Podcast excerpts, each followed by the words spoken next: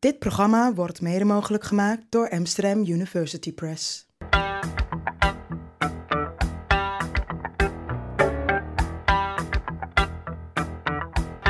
Vanuit Amsterdam is dit Onder Media Doctoren, de podcast waarin communicatiewetenschappers zich verwonderen over de media. De wijngod Dionysus legde al de relatie tussen drugs, roes en feesten. Hij was naast de god van de wijn ook de god van de geestdrift en het enthousiasme. Vooral op het gebied van poëzie en de muziek. Nou, dat is nou precies waar we het vandaag over gaan hebben. In de 20e eeuw leek iedere muziekgenre wel zijn eigen drugs te kennen. Vandaag buigen we ons over de vraag waarom reggae extra lekker is met een jointje. Oftewel, we verwonderen ons over de relatie tussen muziekgenres en drugs. En daarvoor hebben we uitgenodigd dokter Tom Nabbe, criminoloog en drugsonderzoeker, verbonden aan het Bonger Instituut van de UvA. En zoals altijd dokter Linde Duits, deskundige op tal van gebieden, maar ook hierover. Welkom. Ehm, Tom, jij schreef een proefschrift, Ritme, Roes en Regels in het uitgangsleven van Amsterdam. En je maakt daar een onderscheid, je benoemt daarin de set en de setting en de drug.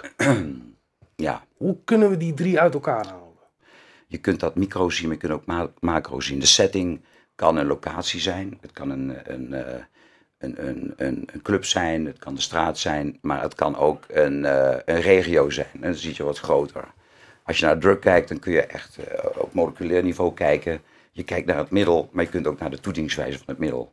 En naar de, en, naar de prijs, et cetera. En als je naar de set kijkt, dan is het vooral de gebruiker. Dat is de mens. En dat ligt heel erg aan, wat, wat zijn zijn motieven?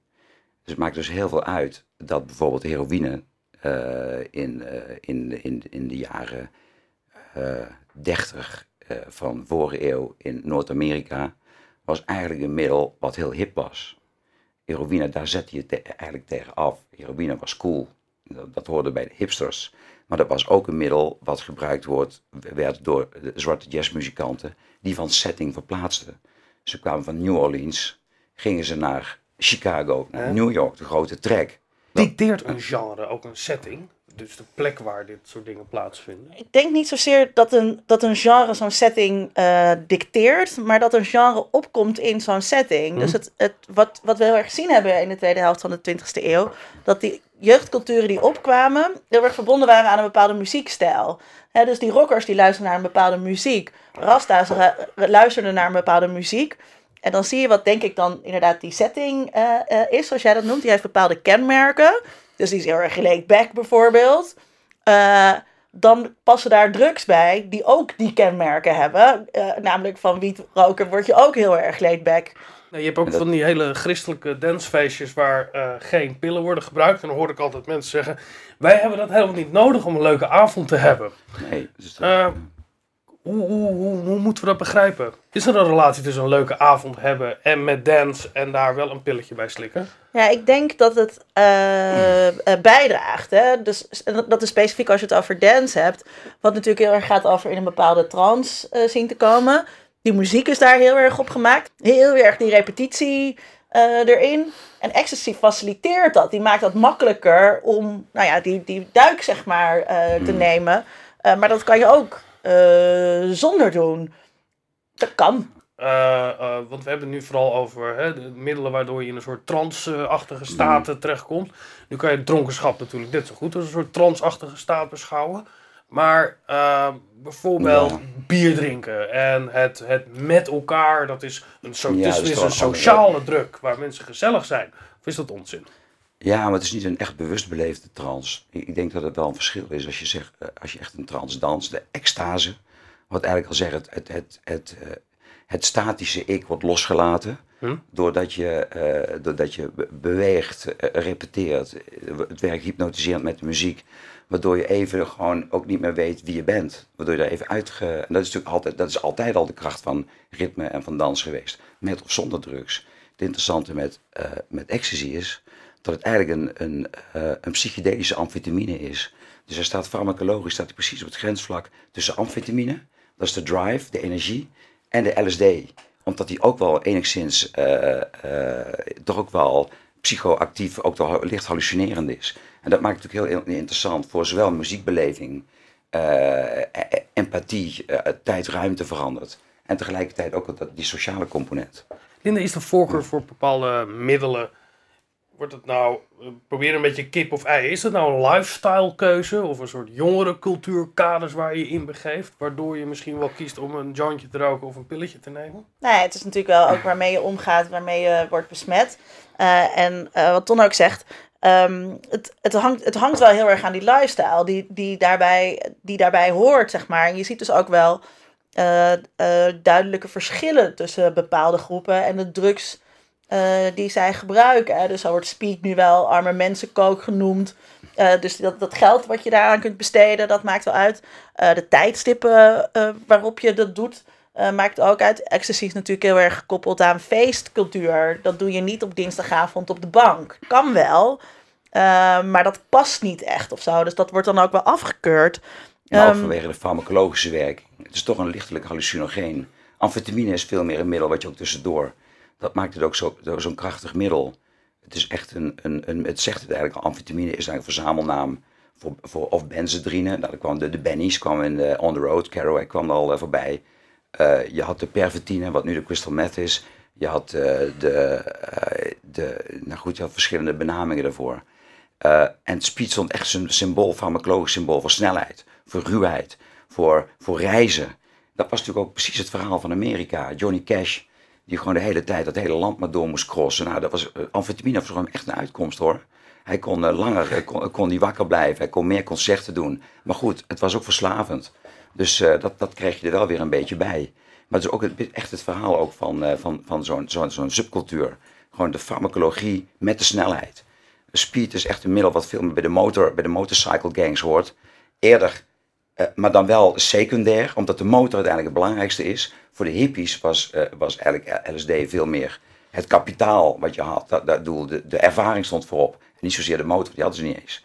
Dus, dus je ziet heel erg dat het farmacologisch die... moet, moet passen. Ja bij de symbolen die je omarmt of die je uitstraalt. En de symbolen van de hippies zijn anders dan die van de rasta's. En zijn anders van de, van, van, van de punks en noem maar op. Voor buitenstaanders is dat af en toe heel verwarrend. Maar de insiders weten precies van, uh, de, over distinctie en wie wat is en wat je uitstraalt en wat het betekent. Dus je hebt, in, die, in die clans heb je al een half woord nodig natuurlijk. We hebben de popmuziek besproken over uh, de relatie met drugsgebruik.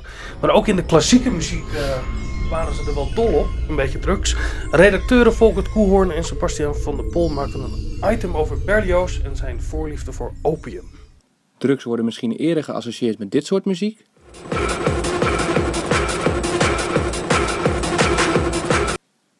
Dan met dit genre.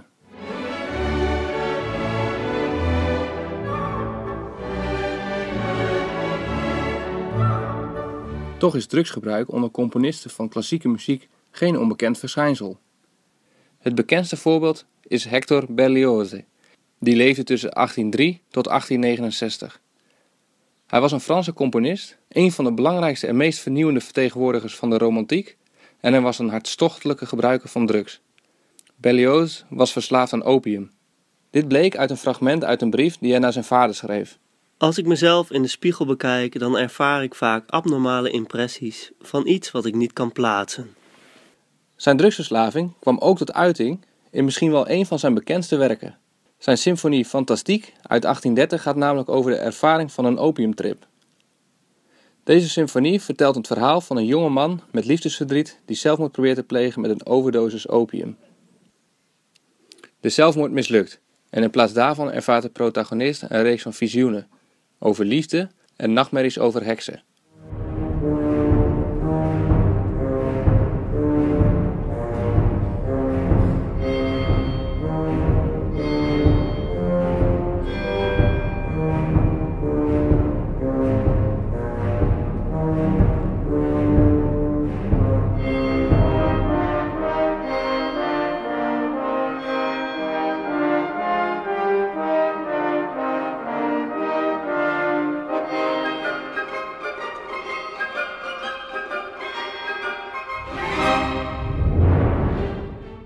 Dit stuk wordt beschreven als de eerste psychedelische symfonie in de historie en de eerste muzikale beschrijving van een trip.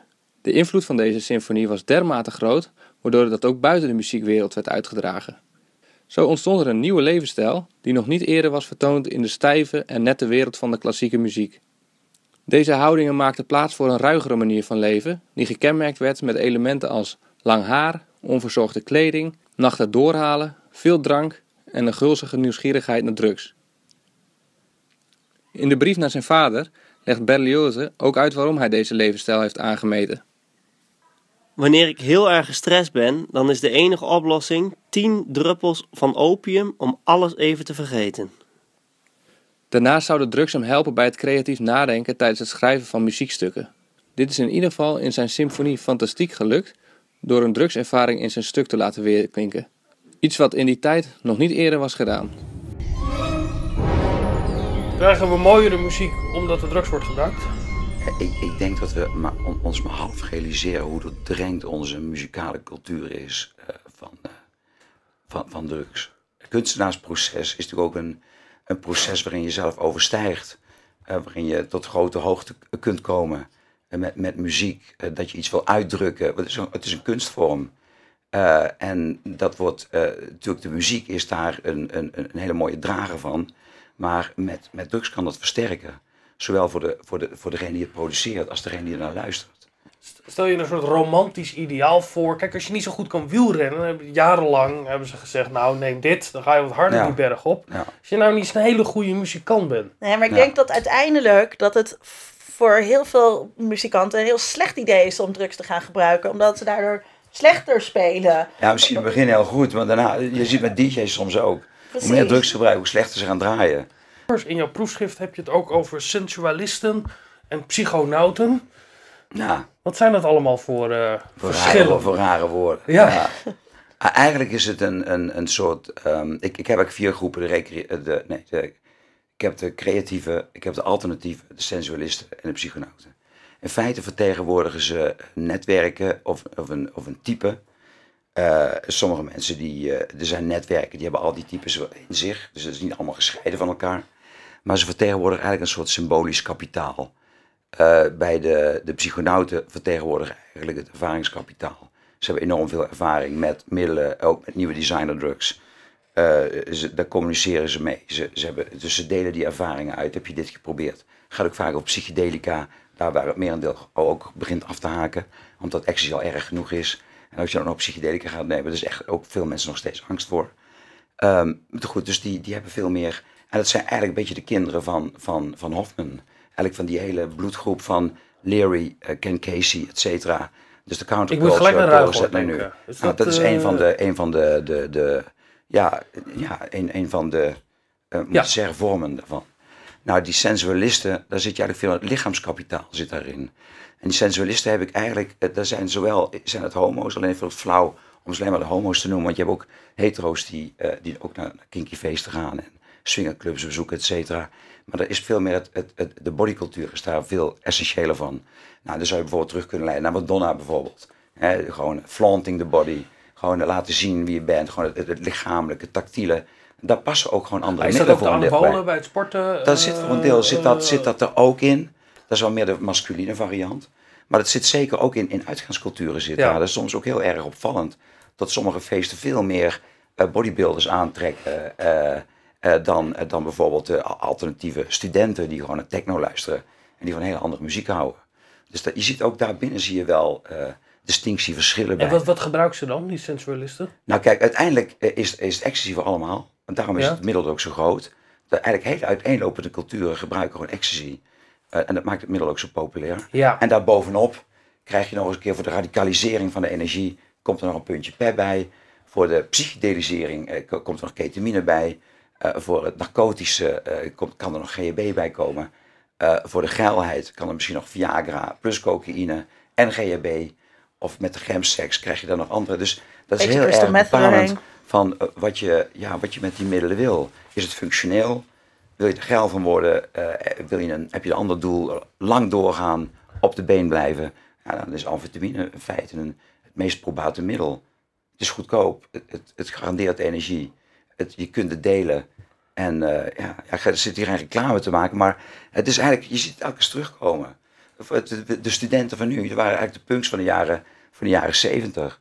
Ja, want we hebben een, een, een- natuurlijk in Nederland een, grootsheid zijn we in de wereld eh, met DJ's die we al noemden. Het Chesto wordt steeds weer eh, opgetrommeld. Eh, maar we zijn ook ergens anders heel groot in.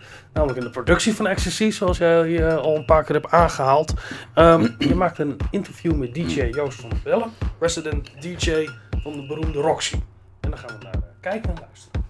Ik had toen in die tijd ook een visioen dat honderden mensen er een hele nacht op zouden kunnen gaan dansen. Maar had het nooit voor mogelijk gehouden. En zeker niet voor mogelijk gehouden dat zoveel jaar later nog honderden miljoenen mensen elk weekend op zouden dansen.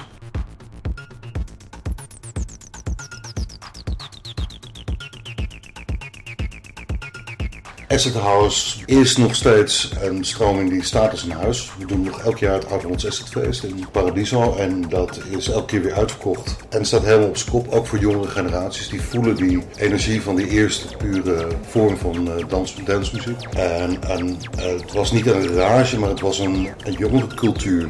Eh, in al zijn vormen. Het had, de kleding, het had de drugs, het had maakte nieuwe vrienden, gelijkgestemden, ontmoette je. Het was een levensstijl.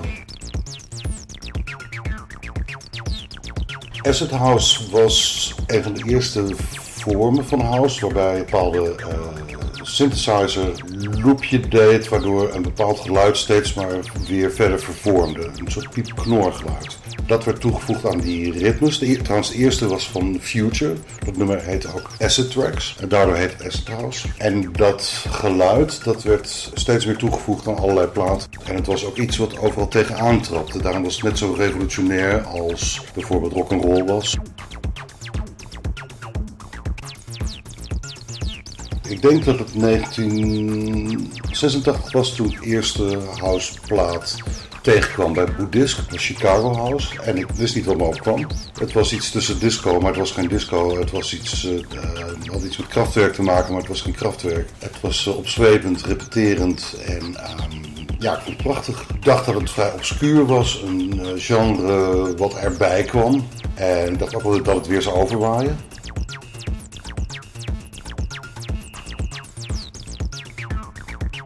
Het is echte dansmuziek, eindeloos doorgaan. Soms wel dag en nacht achter elkaar doordansen en in trance raken. Dat, dat elementaire, hele menselijke feit dat je door een, bepaald ritme opgezweept wordt en daarin meegezogen wordt, zit in housemuziek. Dat is misschien wel de essentie van housemuziek.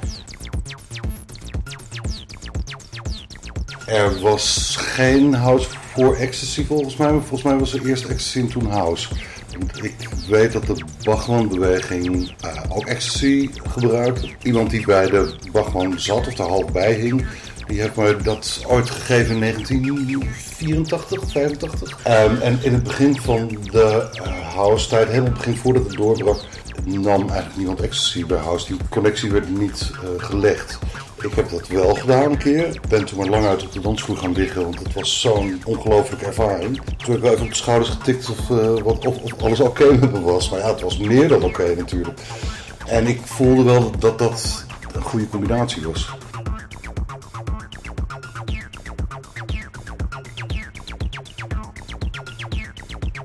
Waar daarvoor Roxy echt in problemen kwam, de creatieve ploeg tegenover de zakelijke ploeg. Want creatief vonden dat we moesten volhouden met house. En de zakelijke zeiden dat kan niet meer, want anders moeten we de deuren sluiten. En toen kregen we geloof ik, twee weken tijd om het vol te krijgen. En dat is uh, godswonder gelukt in die twee weken. Dus in, eh, in september eh, 88 eh, viel het kwartje en het, die viel als een hele sterke ecstasy als een bom. En opeens stonden de rijen tot aan de, tot aan de munt.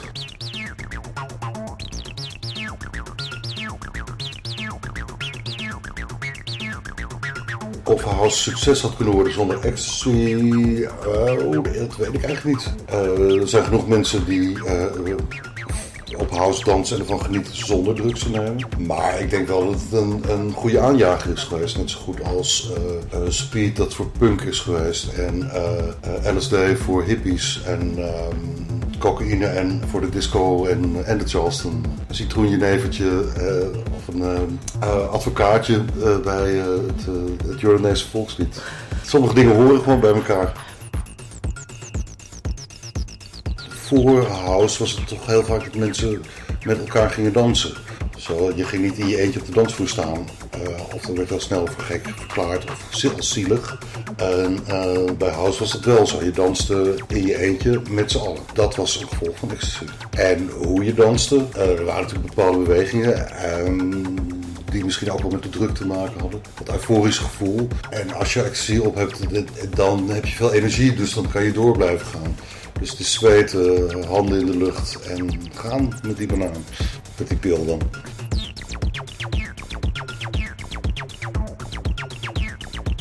Linda, door de ecstasy kregen we de house. En met de house kregen we zeven maanden lang elke dag weer een festivalletje in Amsterdam waar je naartoe kan. Hadden we het niet gelijk moeten verbieden, dan hadden we niet gelijk ook al die festivals niet gehad. Uh, dat, denk ik, dat denk ik niet. Ik denk niet dat verbieden hm, heel veel zin heeft. Ecstasy was toen nog uh, legaal. Dat stond niet op een of andere uh, lijst. Dus het was ook niet, het was niet verboden. Als dat wel zo was geweest, dan had het zich, denk ik, ja, misschien kan jij dat beter zeggen, want jij hebt wat over de regelgeving gehad.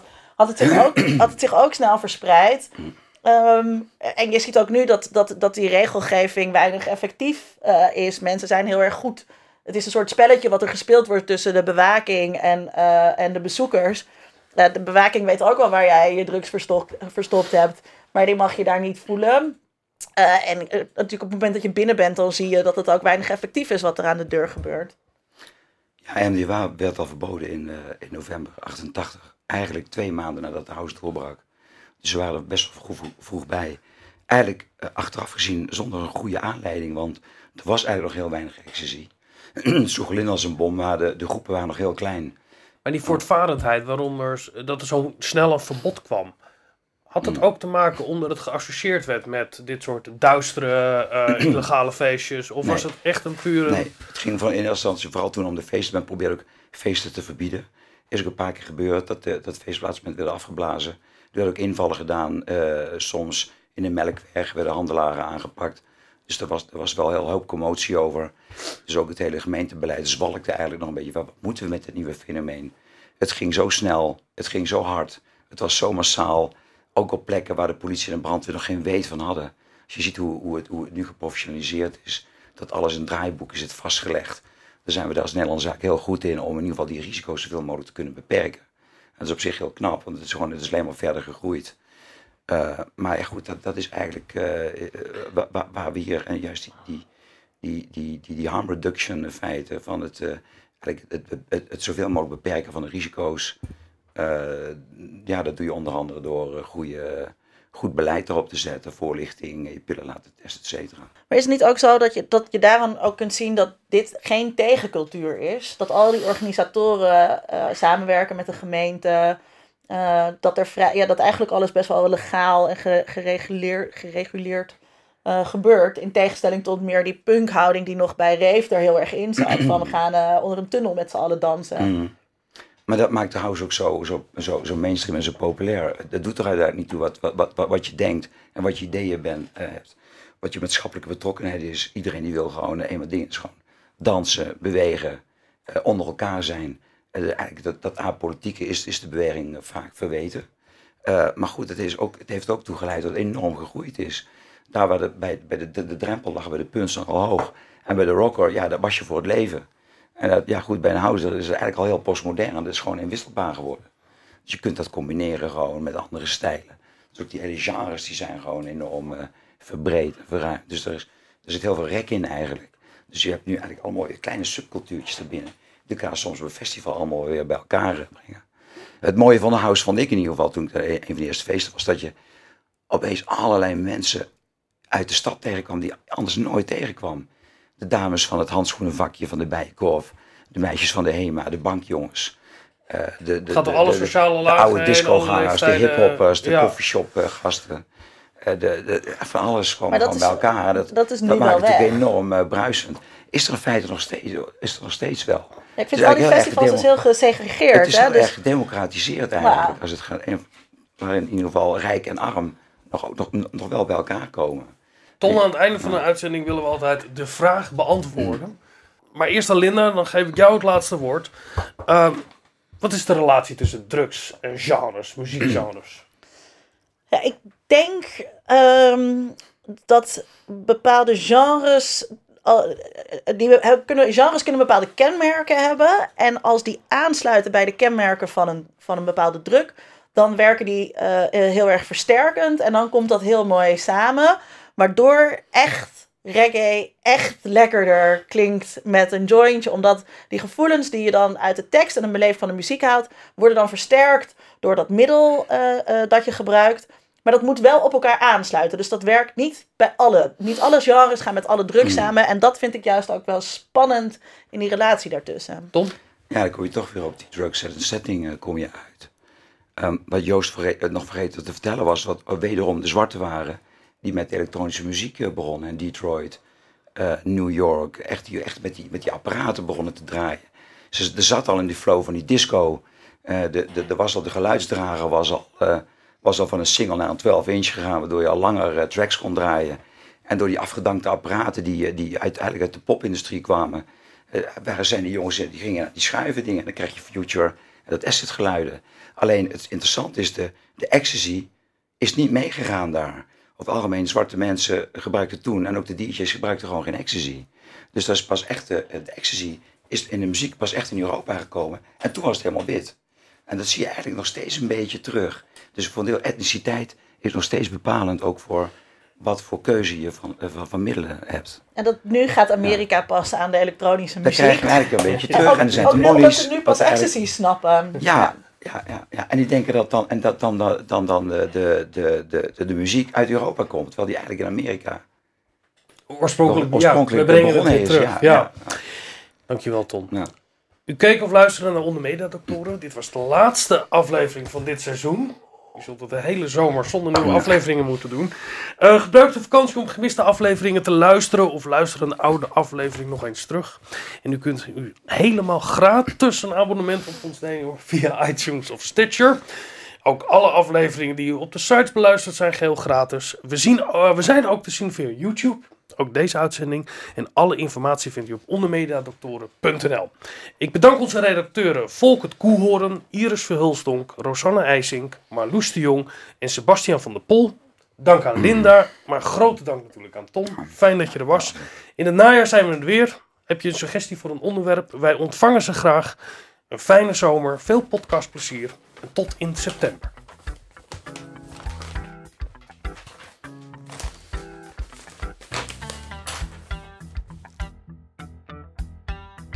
Onder Mediadoktoren is een podcast van Vincent Kronen en Linda Duits. Meer informatie vindt u op ondermediadoktoren.nl.